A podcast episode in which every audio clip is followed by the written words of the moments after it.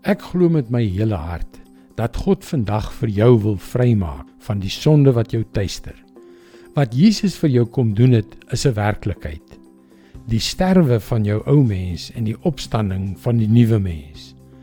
Hallo, ek is Jockey Gouchee vir Bernie Diamond en welkom weer by Vars. Goed, ek weet dat baie mense deesdae as jy net van sonde praat, aanstoot neem.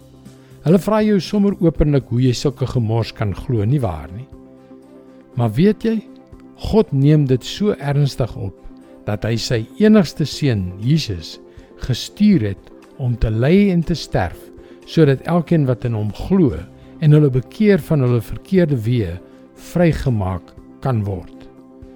Gister het ons gesien dat die een wat in Jesus glo aan die ou sondige self sterf sodat hulle in 'n nuwe lewe kan wandel.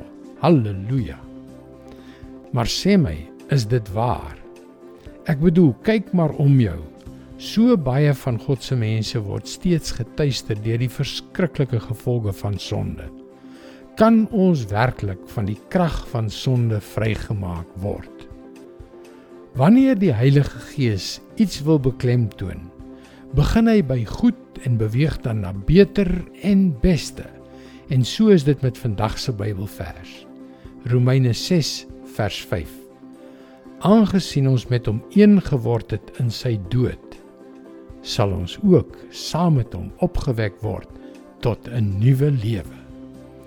Asof dit nie genoeg is dat ons met Jesus in sy dood verenig word nie. Met ander woorde, dat ons ou sondige self dood is nie. Kry ons in sy opstanding 'n nuwe lewe soos syne. Daardie prentjie van die opgestane Christus wat uit die graf stap. Dit is die prentjie van jou lewe. Dit is die waarheid. In Christus het jy 'n nuwe lewe, gevul met dieselfde opstandingskrag wat Christus uit die dood opgewek het. Dit is God se woord, vars vir jou vandag.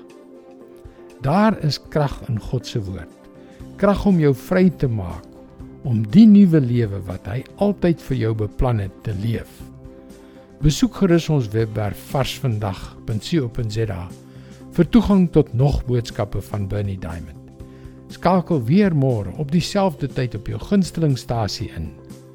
Mooi loop. Tot môre.